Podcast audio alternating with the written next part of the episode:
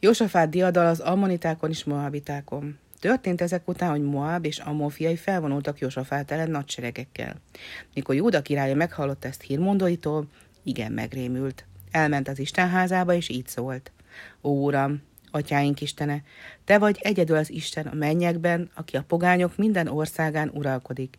A te kezedben van minden erő és hatalom, és senki sincs, aki ellened megállhatna. És most íme, az ammoniták és a moabiták jönnek ellenünk, hogy kiűzzenek örökségünkből, a földről, amelyet ránk hagytál. Ó Istenünk, hát őket felmented ítéleted alól?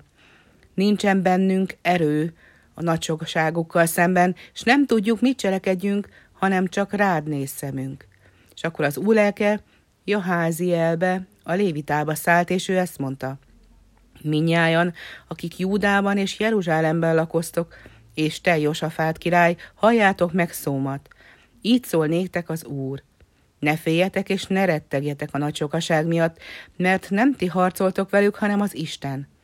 Holnap szálljatok szembe velük, holnap a cichhágóján fognak vonulni, és ott rájuk találtok. Nem kell harcolnotok, csak álljatok veszteg, és az Úr megszabadít benneteket.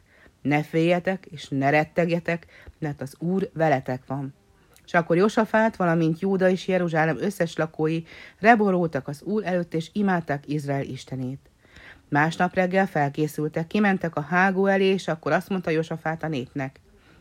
Júda és Jeruzsálem lakói, halljátok meg szómat. Bízatok az Úrban, a ti istenetekben, és megerősít benneteket, bízatok profétáiban, és szerencsések lesztek.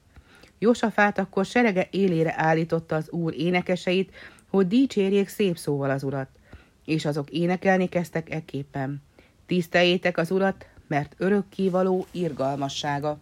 És amint elkezdtek énekelni, az úr ellenségeskedést szerzett az ammoniták és a moabiták között, és mindazok között, akik Júda ellen törtek. És amikor Júda serege elérte a hágót, már csak holtestek voltak a földön, és a támadók közül nem menekült meg senki. És minden országban félni kezdték az urat, Izrael istenét, mert látták, hogy az úr hadakozik Izrael ellenségei ellen.